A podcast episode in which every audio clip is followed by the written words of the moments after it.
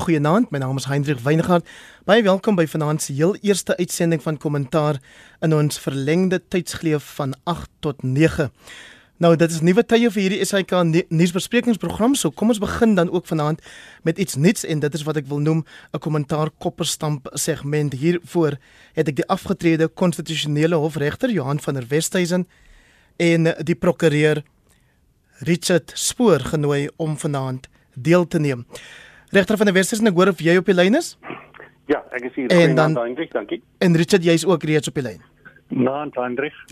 Ons hoor ook graag van jou by die SMS nommer 45889 teen R1.50 elk. So in vandag se rapport, ek laat ek net gou eers vir die luisteraars sê wat ons gaan doen is ons praat eers met die twee regsgeleerdes en dan daarna sal ons die politieke kommentators Melanie Verwoerd en die politieke kommentator Melanie Verwoerd en die twee redakteurs uh dis Waldemar Pelser van rapport en Max de Pre van Vrye Weekblad aan die woord stel. So in vandag se rapport skryf jy regter van der Westhuizen dit sou vir 'n afgetrede regter van die konstitusionele hof onbetaamlik wees om voormalige kollegas soos regter Sisi Kampepe wat nou die waarnemende of wat die afgelope week nog die waarnemende hoofregter was asook opvolgers soos regter Leona Tron of Tron ehm um, voor te wil of sê of te wil eksamineer op grond van hul uitsprake en dan te besluit of hulle slaag of druip. Ek gaan omdat ons begin met die Zuma konstitusionele hof uitspraak die afgelope week vir jou vra waar sou jy gestaan het as jy deel van die regbank nog was aan die kant van die meerderheids of die minderheidsuitspraak? Uh Heinrich, dankie. Dit is nou juist wat ek nie kan sê nie. maar dit is omtrent die enigste ding wat ek nie kan sê nie. Wat ek wel kan sê is hoe ek die meerderheid en minderheid uit uitspraak verstaan. Ek sien nie om om enige iets goed of sleg van meneer Zuma te sê nie, maar uh, hierdie saak is ook nog nie afgehandel nie. So ek kan nou nie sê wat ek sou gedoen het nie. Ehm um, so uh, dit hang af of jy bereid is om na my te luister met wat ek wel kan sê. Ek luister graag na jou. Ja, dis wat ek gesê het in 'n rapport onder andere, dit sou verkieslik gewees het as daar een 'n eenparige uitspraak was. Daar is niks meer verkeerd dat daar 'n meerderheid en 'n minderheid uitspraak was nie. Regters is gebind deur hulle gewete om te sê wat hulle doen, wat hulle voel en hoe hulle oor 'n saak dink en die regswetenskap in die algemeen trek groot voordeel uit die feit dat regters hulle standpunte stel. Ehm um, die feit dat daar 'n minderheid uitspraak is, ek het nou hier gesit en kyk na meneer Ruma se se um, gesprek se verklaring hier voor die media met media met advokaat Dali en Paul, Paul net langsom. Um, ek vind in die algemeen Zuma se verduideliking skokkend vulgêr en eintlik veragtelik uh, behalwe vir een of twee punte. Die feit is die minderheid uitspraak en die bewoording van die meerderheidsuitspraak, die baie sterk bewoording wat regter Kampepe gebruik het om te verduidelik waarom hulle die regsorde en die konstitusionele demokrasie moet verdedig. Die sterk bewoording saam met die feit dat daar 'n minderheid is, het inderdaad die deur oopgemaak uh, aanvanklik vir kommentaar deur meneer Jimmy Manje en ander en nou vir hierdie hele tersydestellings aansoek. Uh, as jy wil kan ek later meer verduidelik waarom ek dit sê. Richard Spoor, maar jy het nie teruggehou nie. Jy het getweet dat jy reken soos wat die minderheidsuitspraak gesê het dat die 15 maande tronkstraf wat oud-president Zuma opgelê word vir minagting van die let wel konstitusionele hof dat daai uitspraak dat daai uh vonnis vir jou daarom net te erg was eintlik so erg soos 'n doodsvonnis. Wel, ek dink my punt is ek twyfel nie dat die uh uitspraak van die uh grondwetlike hof korrek is. Ek bedoel per definisie is dit korrek. Daar is nie 'n appel daarvan af nie. My my my my my mening is dat strategies het die grondwetlike hof die ding nie goed gespeel nie. Ons sien ons sit nou in 'n situasie waar die uitspraak aangeval word waar die ehm um, geskuldes en die regters nou uitgebuit word deur meneer, meneer Zuma en die regspleging daardeur benadeel word. En dis eintlik die strategiese behandeling van hierdie saak waar ek 'n probleem het met die grondwetlike hof. En jy weet, ek voel daar was 'n reeks foute aangegaan. Die eerste was seker toe die hof ingestem het om uh om die Zondo-kommissie se se se aansoek dat die hof las dat Zuma verskyn dat die hof toegestem het om daai aansoek te hoor. Maar na my mening sou dit veiliger en meer strategies wees om dit na die Hoge Regshof te te te verwys. Ehm um, dit is dit is nie sprake dat hulle dit nie mag doen nie, maar ek dink hulle behoort dit aan die Hoge Regshof ehm um, oor te gee het. Want as die Hoge Regshof sou fouteer met hulle uitspraak, dan kan dit reggestel word deur die appelproses.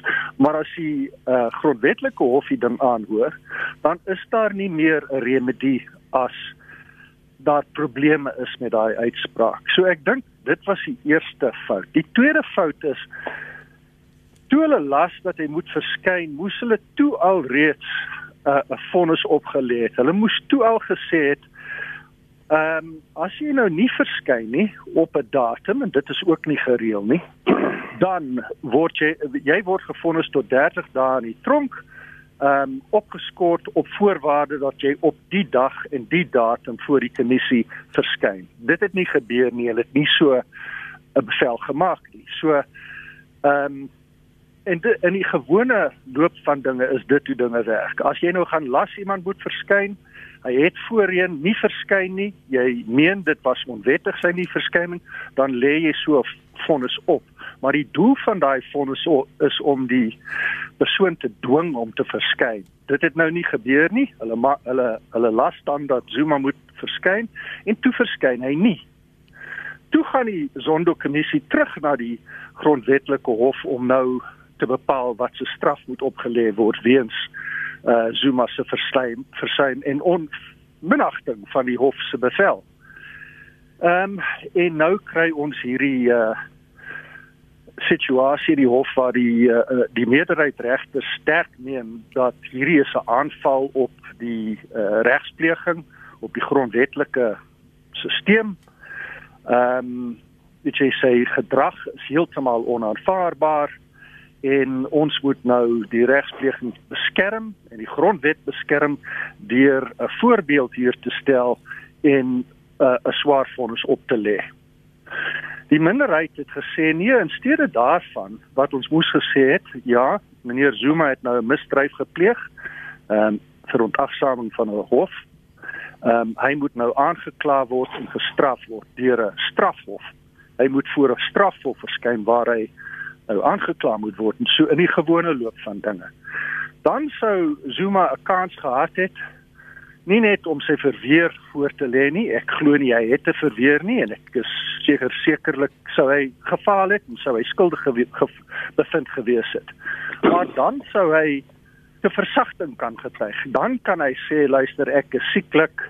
Ehm um, weet jy daar is cover in die gevangenes uh Ehm um, weet jy ek was mislei deur my regs uh verteenwoordigers en so voort. En hy kon dan daai ding aanspreek. En dan miskien sou die regter geluister het en gesê wel dis goed dan dan vonnis ek jou net tot 6 maande of ek skort die ding op of ek weet nie presies wat sou hy gedoen het maar dan sou hy miskien iets anders gedoen het. Maar nou waarop Zuma staan is dat hy het nooit daai kans gekry nie dis nie waar in die sin dat hy het daai kans gekry en het nie dit nie gebruik nie. Hy het nie stukke voorgelê voor die hof nie. Ja. So hy het die kans gehad, maar hy het nie die kans om dit in die in 'n strafhof voor te lê. Nou sê hy word hy hy word uh, skuldig bevind en gefonnis sonder 'n verhoor en sonder die ka die kans om versagting voor te lê.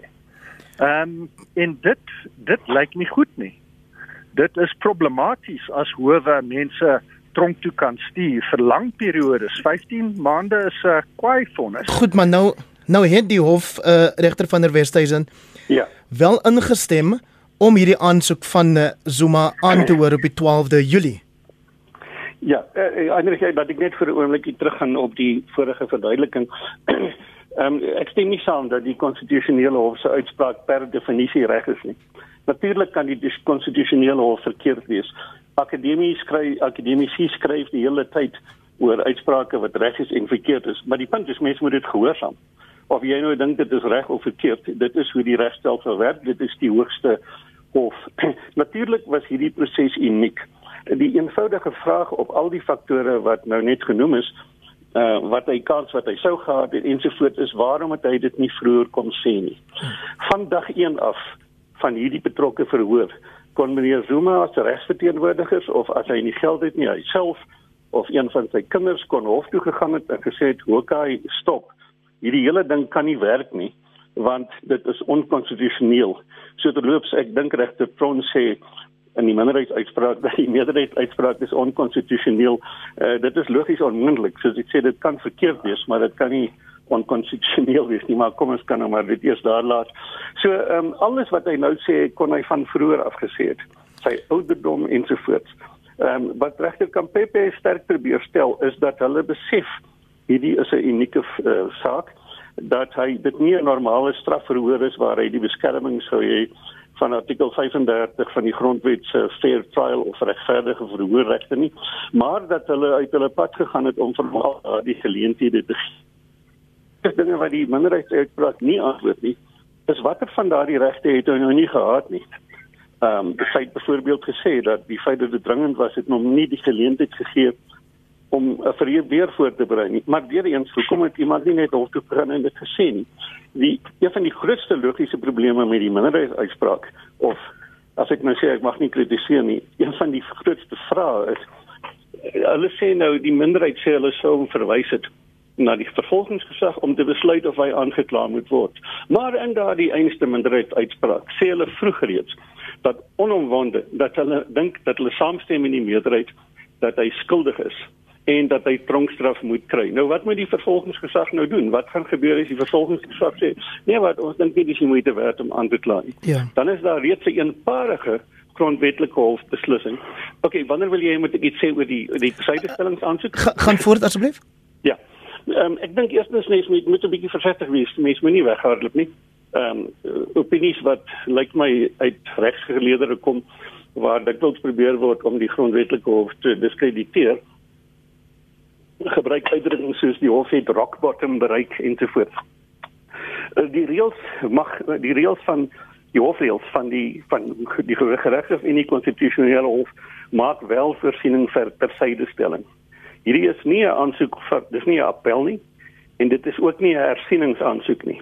Die begrippe wat die hofreëls noem wanneer jy tersydestelling kan kry is wanneer 'n uitspraak of 'n bevel verkeerdelik voor aansoek gedoen is of verkeerdelik toegestaan is. Die Engelse woorde is erroneously sought or erroneously granted. Of dan daar is 'n ander moontlikheid in die geval van 'n patent error, 'n opvallende fout. Nou dit gebeur gereeld in ander howe, maar gewoonlik op baie klein konkrete puntjies. Dit gebeur gereeld dat 'n uitspraak wat 'n hof byvoorbeeld gee by verstek teen 'n verweerder wat nie in die hof is nie later tersyde gestel word of na die verweerder daar aangehardloop kom en sê hoorie ek was in die verkeerde hof ek het verdwaal in die in die in die hof so ietsie. Ehm um, in die grondwetlike hof het ons uitsprake nie tersyde gestel nie maar ons het goed verander en dit is waar die patent error of opvallende fout inkom. As mens byvoorbeeld 'n berekeningsfout gemaak het in 'n bedrag of in 'n uitspraak wat ek self geskryf het, was daar uiteindelik 'n fout met die benaming en nommer. Ons het die nommers van twee wette omgeruil per ongeluk. Daai soort van goed kan mens regstel. Daar's geen appel nie, daar's geen hersiening nie, maar die hof moet dit kan regstel. So tegnies kan hy aansoek doen vir tersydestelling, maar ek het nou deur sy aansoek gelees. Volgens hom is die patent error, die opvallende fout, is eintlik die hele uitspraak. Uh, dit is die hele redenasie uh, soos wat ons nou ook gehoor het uh, van ons eerste spreker en dan um, uh, gaan hy wel sekere met begrippe soos ongrondwettig ensovoorts. Die enigste faktore wat hy nou bynoem is sy ouderdom uh en en sy gesondheid. En die feit dat hy sê hy het nie geld gehad om hof toe te kom nie. Ja. Uh maar nou weer eens uh, hoekom het hy dit dan nou nie gesê of toe hulle hom uitgenooi het in 'n eetsverklaring gesê hoor hier oh, hierdie hierdie ander beswaarde daar moes eers nou Uh, kyk in 'n gewone strafsaak is dit natuurlik so dat skuldige bevinding vind eers plaas en dan hoor jy getuienis ter versagting aan. En gewoonlik gedurende die skuldige bevindingsdeel mag die hof byvoorbeeld glad nie hoor of die ehm um, beskuldigde vorige veroordeling gehad het en sulke goed nie. Dit kom eers later.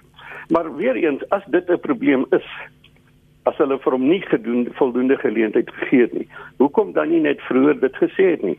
Of aan die begin van die verhoor of toe hy gevra is vir 'n beëdigde verklaring vir wat sy straf moet wees, kon hy gesê, "Oké, okay, julle kan nie nou al vir my vra wat my straf moet wees nie." Ja, ek wil net ek sê ek sê nog steeds ek is onskuldig. So al daai goed kon hy vroeër gedoen het. Richard, daar's nog 'n minuut en 'n half vir nee. elkeen van jou en eh, regter van die Wesduis het oor. Nee. Jy het getweet die week jy verdien, jy reken Zuma verdien 'n kwytskelding en jy sê hy het swak advies gekry van mense wat hom vir hulle eie doeleindes of tot hulle eie voordeel um advies gegee het.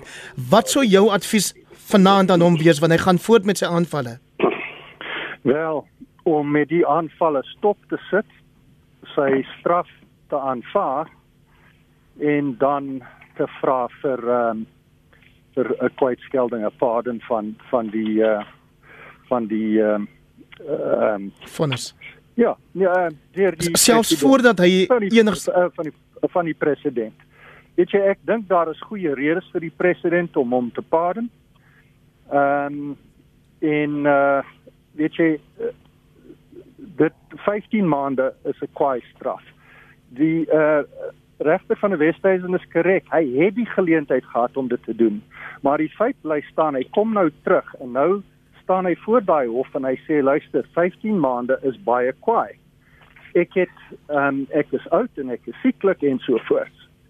En die hof staan nou daarmee gekonfronteer. Hulle moet daai 15 maande regverdig. En om dit te doen bloot op die basis dat hy arrogant was en hy het uh, weet jy die uh, stelsel ondermyn. Ehm um, dit gaan baie moeilik wees. Ek bedoel die hof sal dit doen. Hulle kan dit doen. Hulle is geregtig om dit te doen. Maar dit dit gaan ondersteule persone 'n gevoel kry dat hierdie hof nie juis opgetree het nie. En dis hoekom my probleem is nie so seer met die regsuitsprake wat hulle gemaak het, maar die feit dat ons nou in 'n situasie sit waar die hof met sulke moeilike vraestukke ehm um, weet jy uh, moet konfronteer. Ek is bekommerd oor die impak wat hierdie situasie sal hê op die hele regspleging. Is jy ook bekommerd, regter van die Wesduisen? Ja, ek is ek is na beide kante toe bekommerd. Ehm um, want ehm um, weer eens sonder om te sê wat ek dink moet gebeur. Ehm um, maar as hulle nou wel eerstens is die vraag natuurlik hoekom het hulle hoegenaamd die aansoek nou om aan dat hy aangehoor moet word aanvaar. Hoekom het hulle dit op die rol geplaas vir die 12de? Ehm um, mens sou kon sê dit is om hom die laaste kans te gee of te wys dat alle regverdigheid teenoor hom ehm um, moet geskied, maar mens hof behoort natuurlik nie 'n saak op die rol te sit as daar nie 'n moontlikheid is dat dit kan slag nie. As dit geen meriete hoegenaamd het nie. En dis nie altyd so eenvoudig nie. Soms plaas 'n hof iets op die rol uh, vir ander redes ook soos om die reg uit te bou wat ek al. Maar in hierdie geval as hulle ehm um, my naam luister en sê nee ons bly dieselfde, dan dink ek sal al die mense wat met die uitspraak gelukkig en tevrede is, versterk word in hulle gelukigheid en tevredenheid en sê ons het inderdaad 'n sterk hof. Ehm um, en natuurlik sal die Zuma ondersteuners of soos wat ek hulle in 'n rapport genoem het waarna jy verwys het, die Zumaiers as ek dit nou mag so mag noem. Natuurlik sal hulle versterk wees met die hele storie van die uh, unfair trial. Uh, verder sal hulle niks daaraan kan doen nie en dan sal ons nou maar moet sien as die hof sou verander dan sal hulle baie baie goeie redes moet gee. Want anders gaan 'n groot deel van die Suid-Afrikaanse publiek maar net dink dat um, hierdie ouens kan nie hulle hulle hulle mind opmaak nie om dit so te stel. Uh, as hulle in die eerste plek nie seker was nie hoekom het hulle so 'n kragdadige uitspraak gegee ehm um, uh, as jy weet hoekom verander hulle? Tensy daar iets heeltemal nuut en uniek is wat hulle sou kon noem wat hulle nou vir die eerste keer aanhoor en wat teruggevoer kan word na die konsep van 'n patent error of 'n opvallende fout as hulle sou verander sonder om so iets baie duidelik uit te stel dan sal dit waarskynlik nog meer skadelik wees. Maar nou gaan ek dalk te ver want dit klink asof ek ek dink nie my kollegas luister baie na jou program nie ek is jammer want die meeste van hulle op hierdie stadium is Engels sprekend maar ek dink ek gaan dalk nou byna te ver met 'n soort van druk op die hof probeer sit Het dit jou gepla Richard spoor dat regter Sisi Kampepe die persoonlike voornaamwoord I of ek gebruik het in die meerderheids toe sy die meerderheidsuitspraak gelewer het? Uh, ek glo nie so nie, hoor. Ehm um, ehm um, ek dink ons weet sy verwys na haarself en haar kollegas. Ehm um, ek dink dis 'n kleinigheid. Baie baie dankie vir jou deelname vanaand. Richard Spoor is 'n prokureur en iemand wat onlangs aangebied het om oud-president Zuma te verteenwoordig in sy ander regsmoeilikheid en dis naamlik die bedrogklagte wat verband het met die wapenskandaal. Saam met hom vanaand uh, regter Richard van Ekskuus nie Richard van der Westhuizen nie, maar Johan van der Westhuizen. Richard is 'n sanger, ek moet dalk 'n liedjie van hom een of ander tyd speel. Baie baie dankie vir julle twee se insigte vanaand. Ek waardeer dit. Nou stel ek aan die woord die politieke kommentator Melanie Verwoerd. Sy was uh, voorheen ambassadeur onder meer gewees en ook 'n parlementslid. Melanie, goeienaand. Goeienaand, Heinrich. Saam met Melanie vanaand, die redakteurs Waldemar Pelser van Rapport, naand Waldemar. Hallo Heinrich. En uh, die heer Max de Pre van vryeweekblad.com naand ook aan jou Max. Goeienaand almal. So, kom ons spring net eers weg met Waldemar, met jou. Julle Opskrif sê vanoggend Zuma spring weer tronkvry. Hy het vir hom 9 dae gekoop voordat die tronkdeure agter hom toeslaan. Ek wil by jou weet of tronkstraf inderdaad steeds 'n gegewe is. Hendrik, dit klink 'n bietjie soos 'n regsvraag en ek wil my nie uitgee as 'n as 'n regskenner nie. Dit wel dit blyk wel dat die konsensus om regsgeleerdes is dat niks vir die laaste paar dae gebeur het ehm um, het die grondwetlike hof se uitspraak van laas Dinsdag opgehef dat uh, Zuma hom moet aanmeld uh, teen vanaand uh, by die gevangenis in Westville in Durban om sodat sy tronkstraf kan begin nie. Uh, ook nie sy hof aantoek Dinsdag in Pietermaritzburg nie. Ehm um, so soos die reg staan, moet hy nog steeds nou tronk toe gaan. Ehm um, dit is hoe dit inderdaad uh, lyk maar hy gee daaroor gemengde boodskappe hy het vanaand gesê by sy toespraak by sy perskonferensie dat as dit aan hom ehm um, oorgelaat is, sou hy vandag al tronk gegaan het, tronk toe gegaan het, maar die besluit is nie syne alleen nie. Die besluit is vir sy familie om te neem en vir sy kamerade om te neem. In 'n vandag se uh, koerante het hy baie militant gepraat en vandag uh, vroeër by 'n toespraak baie militant gepraat oor die feit dat hy sal weier om homself oor te gee aan polisie uit en sy die pres gesê dat I will battle it out with police uh, if they come to fetch me. Ehm um, jy weet dit net om een ander aanhaling hier te gebruik. Het gesê those in power and in the judiciary clearly don't know what it means to wield power. So of Zuma bereid is om tronk toe te gaan ehm um, is nie duidelik nie. Ehm um, en uh, dit is uh, dit hierdie dubbelpratery geld verskeie van sy ander uitsprake ook. Maar ek dink dat ons kan weerstand verwag want hierdie hele drama het uitgespeel presies wat Zuma van die begin af wou gehad het dit moet.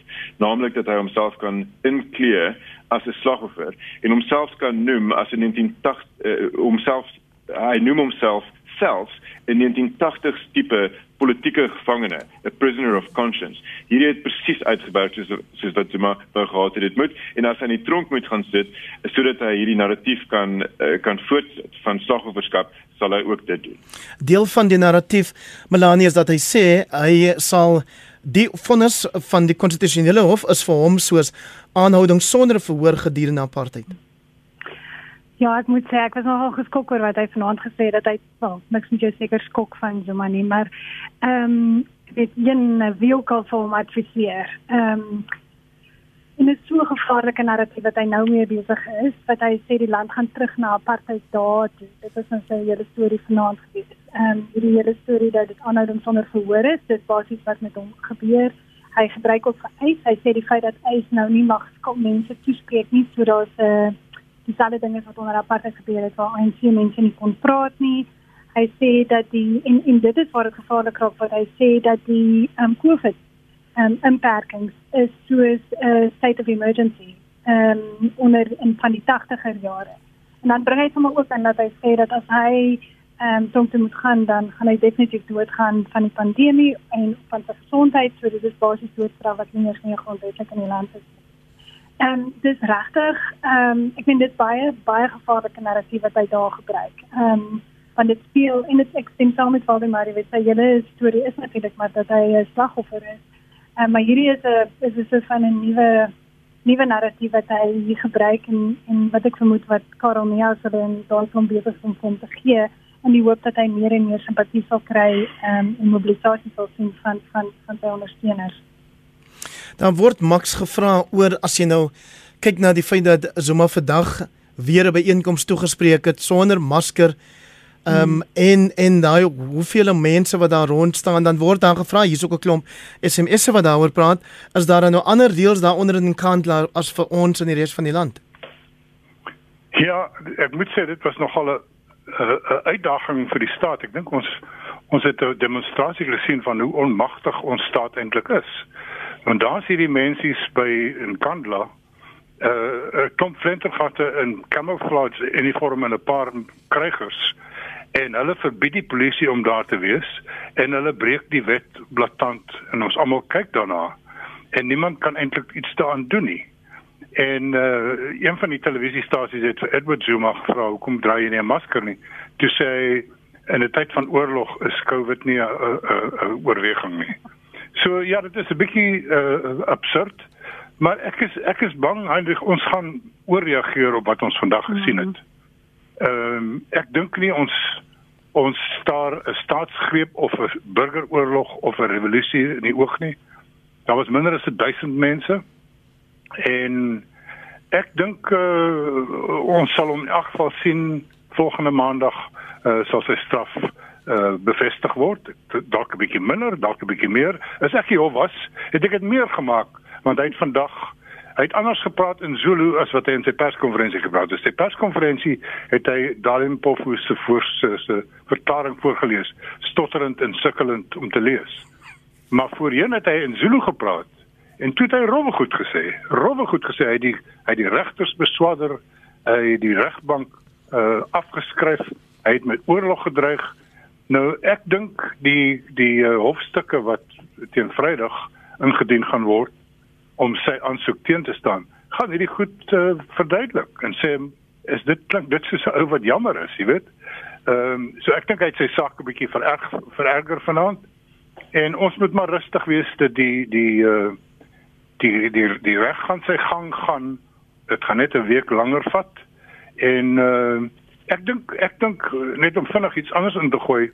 Ek sou persoonlik wou sien dat hy glad nie tronk toe gaan hierdie week nie want dit gaan so half klink of dit bloeddorstig is om te sê maar ons gaan jou in elk geval nou vir 3 dae of 4 dae toesluit net in geval uh jy weet die die vonnis herhaal word maandag.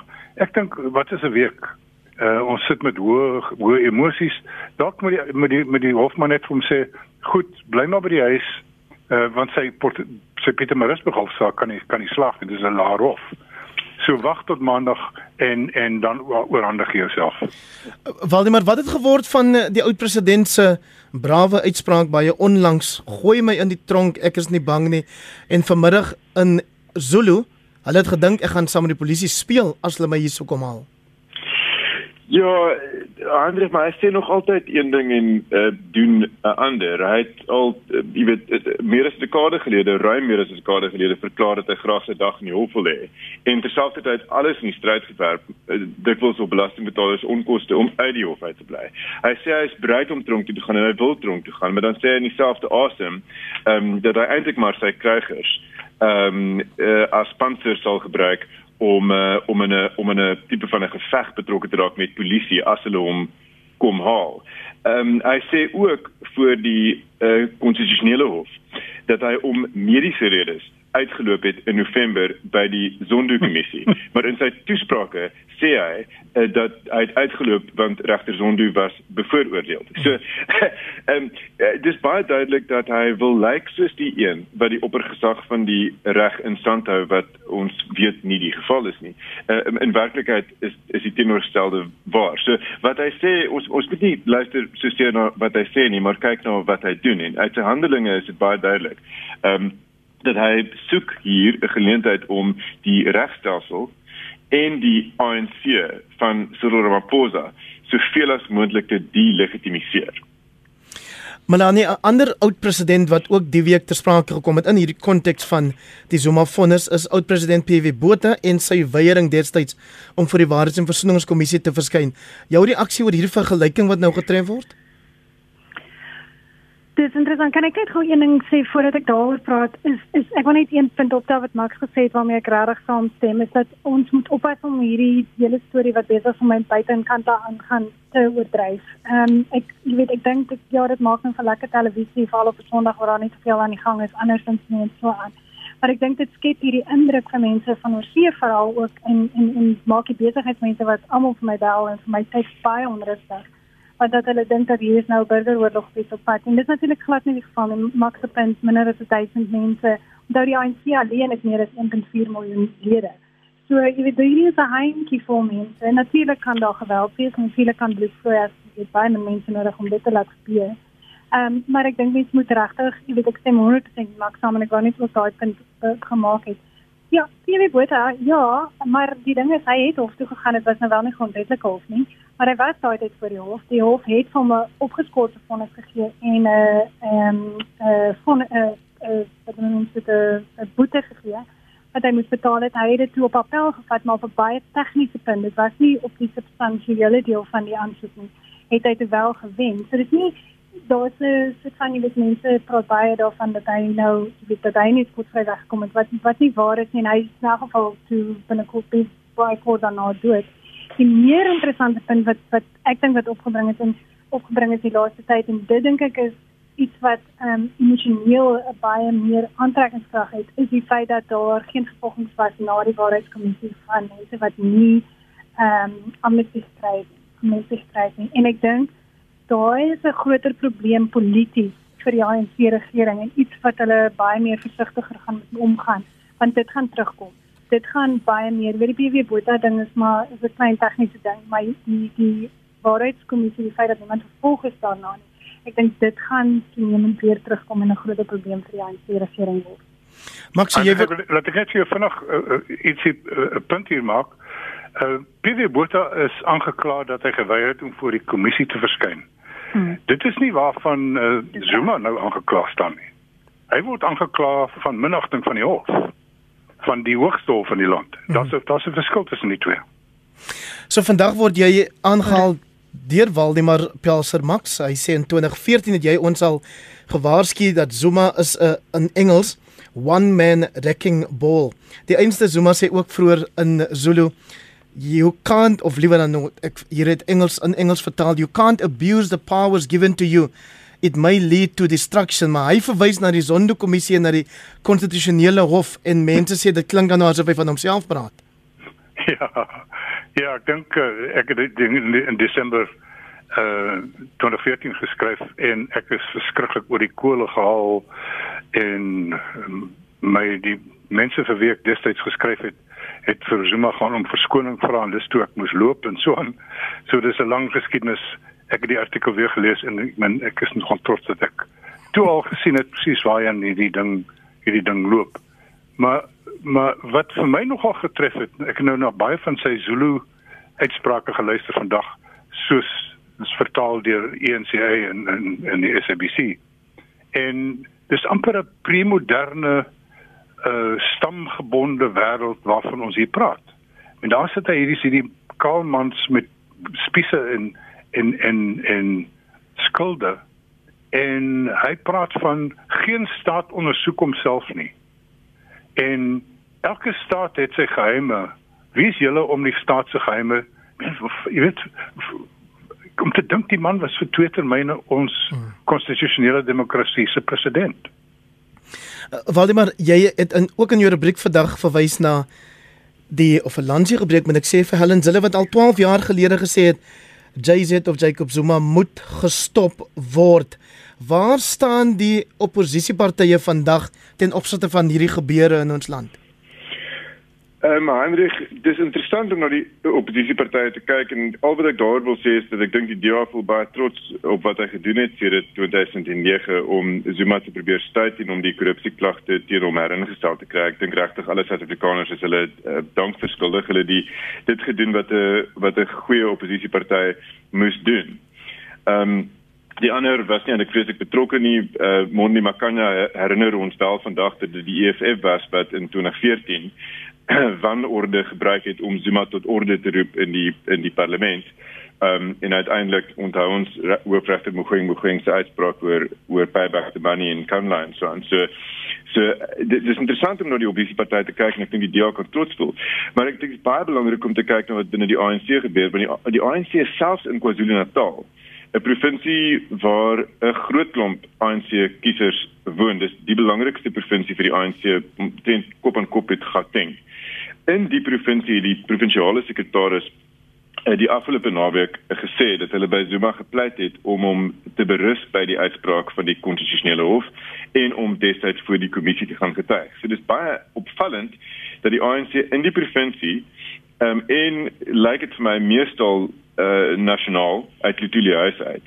Hulle skaar by die hof, dis natuurlik bemoedigend en noodsaaklik. Hulle skaar by die hof en hulle nie skaar by Zuma nie. En die interessante vraag in 'n verkiesingsjaar is natuurlik of kiesers die ANC sal beloon daarvoor dat hulle hulle skaar by die grondwetlike hof of sal straf daarvoor dat hulle hulle skaar, skaar by die grondwetlike hof teen Zuma en daai antwoord kry ons einde Oktober.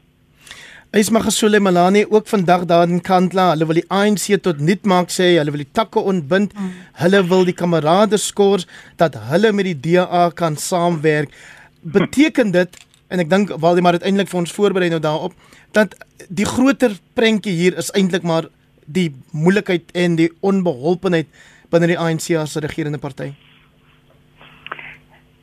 Ja, alhoewel, I mean, wat eintlik ons maar hier aan die gang is. Jy het nou baie huiwerig geklink, né? Nee, dit is dieselfde storie as hy sê dieselfde probleem as Zuma. Hy weet hy's op pad tronk toe. So nou raak hy desperaat. So nou gaan hulle enigiets sê om om jy weet en hulle hy spesifiek sê enigste manier wat hy dink hy kan uit die tronk uit bly of wegkom van van al hierdie probleme af is natuurlik om homself weer of by die ANC se um nasionale uh, konferensie kan daar te kan gaan sê help my jy weet ek wil vir die takke ek wil weer die sekretaris-generaal wees. Ehm um, so dit is meer 'n desperaatheid wat jy daar sien. Natuurlik kom baie van hierdie is is is, is, is duidelik as gevolg van die faksieprobleme binne die ANC, maar ek het geen absoluut geen twyfel dat dat hierdie groepie wat so besig is om moeilikheid te maak wat nou ook baie na aan Jacob Zuma is, is is besig om al hoe kleiner te word. Ehm um, want hulle daar daar's net nie genoeg steun vir hulle in die ANC nie. En die meerderheid van die en, en ek dink byvoorbeeld ook nie dit gaan te veel van 'n rol speel met die plaaslike regeringsverkiesing nie. Dis wat mense pla, die algemene lede van die ANC is nie regtig seker op die man. Dit is is, is wat aangaan of hulle water, elektrisiteit, daai tipe goed het, moet in hulle munisipaliteite gaan. En natuurlik of hulle voel dat Cyril Ramaphosa se beheer en hy besig om die, om die regte rigting te begin gaan en ek dink dit is dit is wel daar. So ehm um, ek, ek ek meen vir my is dit baie duidelik hierdie is 'n desperate poging van ehm um, in sy trawante en jy weet hoe meer jy na hulle kyk hoe meer lyk hulle maar net so van baie baie desperaat ja. So Max jy het vroeër gesê dat ons moet ons tog nou nie laat skrik maak jy en Melanie eintlik uh, laat skrik maak deur wat regter van die Wesduisen vroeër op die program en in sy artikel en rapport vandag die Zomaiers genoem het nie. Maar daar is die week ook gevra of die opsluit die toesluit van 'n voormalige leier 'n demokratiese bestel kan destabiliseer. As jy as jy glo dit is nie die geval nie wil 'n mens dan seker ook weet dink jy as die konstitusionele hof teruggaan op 'n vorige besluit, kan dit 'n demokratiese bestel destabiliseer. Ek wil dit kan beslis die konstitusionele hof en die hele regbank uh, wel geweldig baie skade doen. Ek dink nie daar's 'n kans nie. As jy mooi leer, lees wat uh, regter Sisi Kampepe gesê het, hulle het vir 3 maande lank onder mekaar gestry en oor die bewoording hiervan gepraat. Dis nie ligtelik gedoen nie.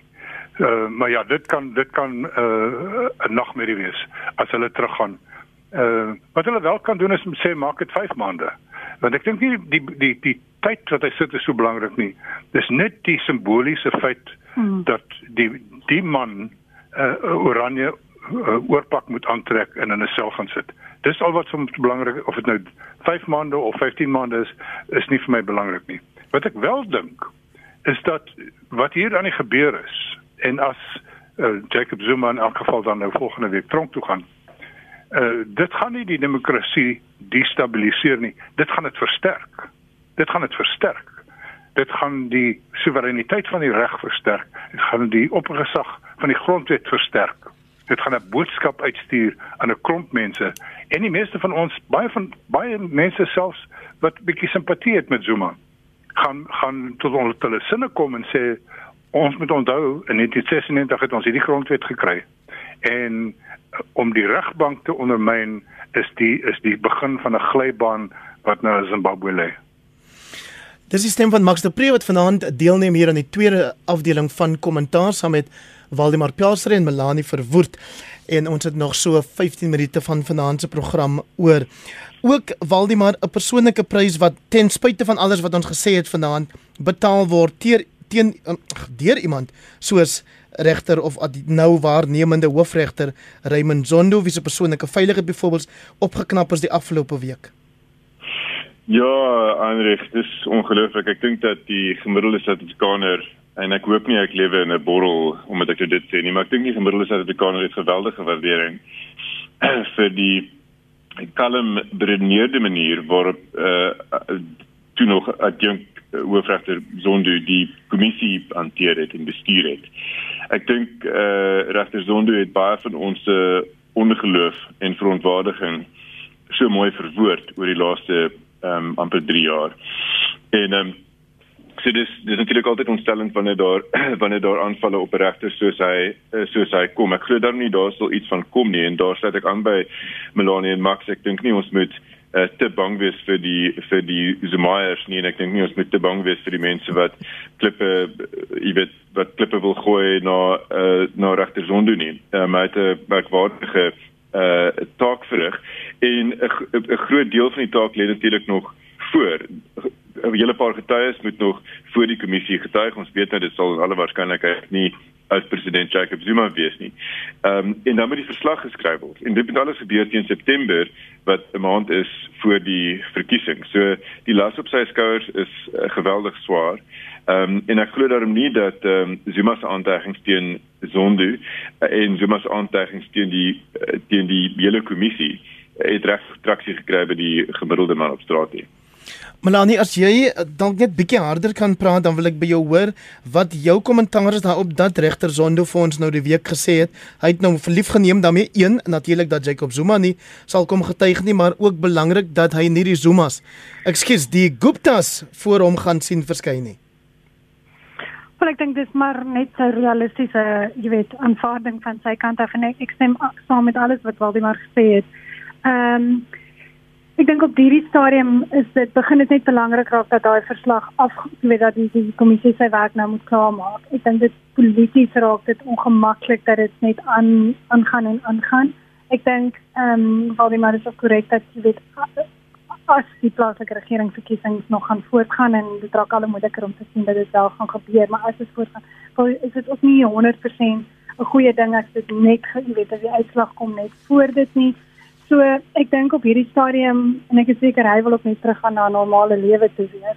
Ehm um, dink ek is dit net belangrik dat die kommissie nou sy werk begin afhandel. Max, kom ons skuif die fokus of verskuif die fokus na 'n ander belangrike uitspraak die afgelope week deur die konstitusionele hof en dit aangaande die openbare beskermer advokaat Posisiwe Mkhubane se aansoek dat die hof vir Cyril Ramaphosa skuldig moet vind daaraan bevinde aan dat hy die parlement doelbewus sou mislei oor 'n skenking wat gemaak is deur Gavin Watson van Bosasa Farm aan sy CR17 leierskap veldtog. Ja, dit is komies dis komies en tragies hoe ons openbare beskermer optree en uh, ons hoop uh, binne binne enkele maande gaan sy nie meer met ons wees nie want daar is daar nou so sterk prima facie saak dat sy nie haar haar werk kan doen nie. Maar wat vir my belangrik was daar uh twee goed. Die eerste ding is die CR17 veldtog gaan aanhou om vir Cyril Ramaphosa 'n uh, klip aan die been wees. En omdat dit nie bekend is wie die lys uh, donateurs is nie, skindermense en liegmense en vertelmense stories en baie mense glo dit. So dit is vir hom nogal 'n probleem. Uh, ek dink sy probleem is dat die, dat die meeste van die mense het gesê het maar dit is uh, 'n uh, konfidensiële skenking. So hy hy is nie in 'n posisie om dit bekend te maak nie. Maar dit is vir hom 'n probleem. Die ander punt is dat die die hof het gesê die Hooggeregshof se beslissing teen Amabungane se se aansoek dat hierdie soort van fondse wat gestig word vir kandidaatskappe in politieke partye dat dit ook oop moet wees vir die publiek. Ehm uh, die die hof het die, die Hooggeregshof omvergegooi en gesê julle moet weer hierna kyk. En ek dink dit raak baie belangrik. En as Amabungane eh, vir die wat nie weet nie, dis 'n sentrum vir ondersoek in journalistiek. As hulle daarin slaag, gaan dit 'n groot sprong vorentoe wees vir ons dat jy nie weer sal uh, iets soos in 2017 waar Nkosazana Dlamini Zuma en en Cyril Ramaphosa amper 2 miljard rand tussen die twee van hulle bestee om om hulle om hulle kandidatuur te bevorder nie. En moet 'n mens nie daarom vra Waldemar of Cyril Ramaphosa ten spyte van wat die konstitusionele hof teen Bosisiwe Mkhubane bevind het, steeds ligtelik hiervan afkom nie. Ek weet nou nie of 'n aanbieder homself mag aanhaal nie, maar ek het al destyds geskryf dat iemand soos Oscar van Heerden in sy boek vertel want hy was deel van die CR17 veldtog hoe hulle geld ingesamel het en nie vir wat nie om die afgevaardigdes by die konferensie te ooreed met allerlei sogenaamde geskenke om vir Ramaphosa te stem. Ja, Hendrik, ons almal ken die stories oor die jare van die ANC uh, konferensies of dit nou Polokwane in 2007 of Mangaung in 2012 so was van bakkie vragte vol kontant wat rondgery word. En ek dink die omvang Max het nou daarna verwys, die omvang uh, van die geld wat eintlik maar dis eintlik maar omkoopgeld, dis nie dis nie vir plakate die reg. Ehm um, die omvang daarvan het die nasie geskok. Ehm um, want in die geval van die ANC anders as in die geval van die DA is dit eintlik Eh, by verstek 'n presidentsverkiesing eintlik maar. Jy weet die persoon wat daar wen, word president van die land. Uh, dis so sê dit 94. Dit gaan nie eintlik so wees nie, maar dit is hoe dit tans is. En ons het nou 'n uh, 'n uh, groot, die Engels sê divergence tussen die regulasies wat insameling binne politieke partye eh uh, uh, Mario waar daar geen deursigtigheid is nie. En die insameling van geld voor verkiesings deur politieke partye waar daar al hoe meer deursigtigheid is. En wat ek dink hier gaan gebeur is dat dit word baie moeiliker vir politieke partye soos die ANC soos die DA om groot skenkings te kry waarvan die publiek nie weet nie weens die wet op die finansiering van politieke partye wat nou van krag is vir die eerste keer in 'n verkiesingsjaar.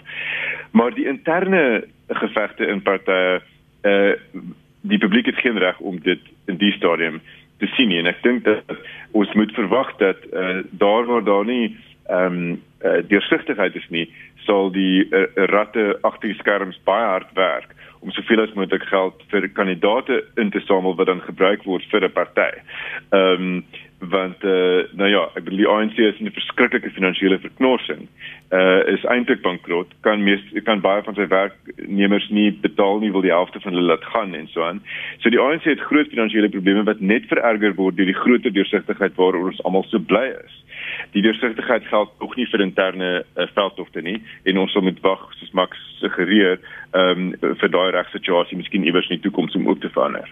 Kan ons net vanaand by daarom sê Heinrich as Cyril Ramaphosa nie ja uh, by 'n miljard spandeer het nie, was hy nie vandag die president nie. Ja. En jy reken dus hoekom ons om dit maar moet vergewe? Wel, dis dis dis ter versagting. Melanie, okay, die die vraag is natuurlik hy het niks onwettig gedoen sover ons weet nie, reg? Daar's nog niks bewyse dat hy iets onwettig gedoen het en dis onsmaaklik. As ons ja. net so verlig dat hy toe wel gewen het dat ons bereid is of nie bereid is om te krities om te gaan met die kwessie nie. Wel, die die punt is nog steeds ek meen ek soos ek sê dit is onsmaaklik dat so en dit is dit is op sien dat soveel geld spandeer is aan aan hierdie aan hierdie twee veldtogte. Maar die feit van die saak is presies die punt wat Max natuurlik gemaak het. As hy geld nie gespandeer is nie en ons het nie vir Cyril Ramaphosa met sy 100 as dit 75 nie stemme gekry het waarmee hy gewen het nie, kan jy dink in watter gemors sou die land toe gewees het? Sal die land nou gewees het as ons nog basies nog 10 jaar van van van 'n Zuma tipe regime sou gehad het. Ja. So so ek meen, jy weet dit dit is opsien en dit is in die ANC besef dit self ook. Ek meen Cyril Ramaphosa het self gesê die ek die nasionale uitvoerende gesag het daaroor gepraat. Uh, ek dink dit gaan Lema moet plan sê wat besig is om om onder andere hy hy doen baie goed maar onder andere is hulle besig om te kyk hoe om dit te verhoed in die, in die, in die toekoms. Ehm um, en en ek moet ook bysê ek dink nie daar sal weer van die private sektor daai tipe geld wees nie.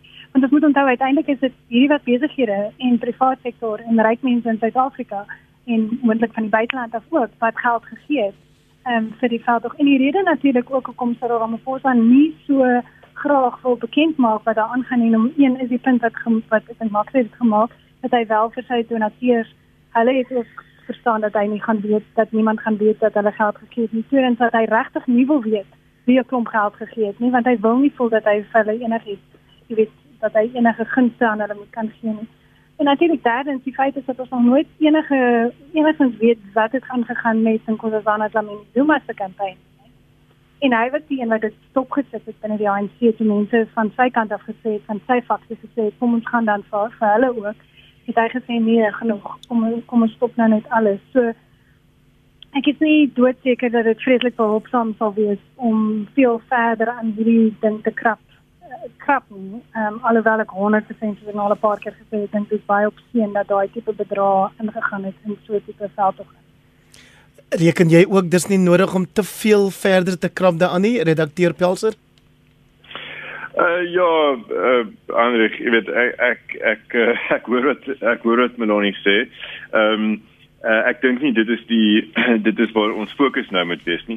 Uh die fokus uh, verseker ehm um, is op uh, op 'n uh, ANC wat nog steeds um, in baie opsigte fundamenteel korrup is. Uh en die manier waarop die party ehm um, sy kandidaate geld insamel is is nie die skadelikste manifestering van die ANC se korrupsie nie. Ehm um, jy weet daar is uh, daar is baie drake om te om om te om nek om te draai en te ja, aan te val. Ehm um, daar is nie die daar is nie die grootste een nie. Die kultuur binne die ANC Ehm um, ek dink Melanie sal wel hê ons moet glo dit stadig besig om te verander. Daar is inderdaad baie tekens van van vorentoe momentum en dikwels in die regte rigting deesdae. Maar die kultuur in die ANC is nog steeds fundamenteel korrup. En ek dink nie uh, dit is realisties om te verwag om iets te verander aan daai aan daai kultuur ehm um, oornag nie. Ehm um, dit is 'n dit is 'n veel groter projek wat veel verder gaan as net hoe die kandidaate geld insamel. Max ons tyd is byna verstreke. Jou gevoel oor wat vir ons binne die volgende week voorlê in afwagting van die konstitusionele hof se aanhoor van die Zuma aansoek op 12 Julie. Vreeslik baie warm lug, baie propaganda. Uh bly weg van sosiale media af. Hmm. En almal wat uh, hulle doodskrik vir wat hulle vandag gesien het, onthou een ding. Die argitek van vandag, die hooforganiseerder vandag, is 'n man met die naam van Karl Nehaus. Melanie, uh jou kort uh inset oor wat vir ons voorlê? Ja, ek dink ek ek stem 100% saam met Max ook oor die Karl Nehaus. Ehm um, ehm um, oh, betrokkenheid. Ehm um, kom daai man nog so senior nie aan sy plan met die taal en al dronk. Ehm um, Maar ek dink die ander ding natuurlik oor hierdie week wat voor lê en dit is ons nie vanaand tyd gehad om oor te praat nie wat baie baie belangriker is oor wat in die land aan die gang is, is natuurlik die hele COVID um, epidemie en yeah. Ja. wat in Gauteng aan die gang is.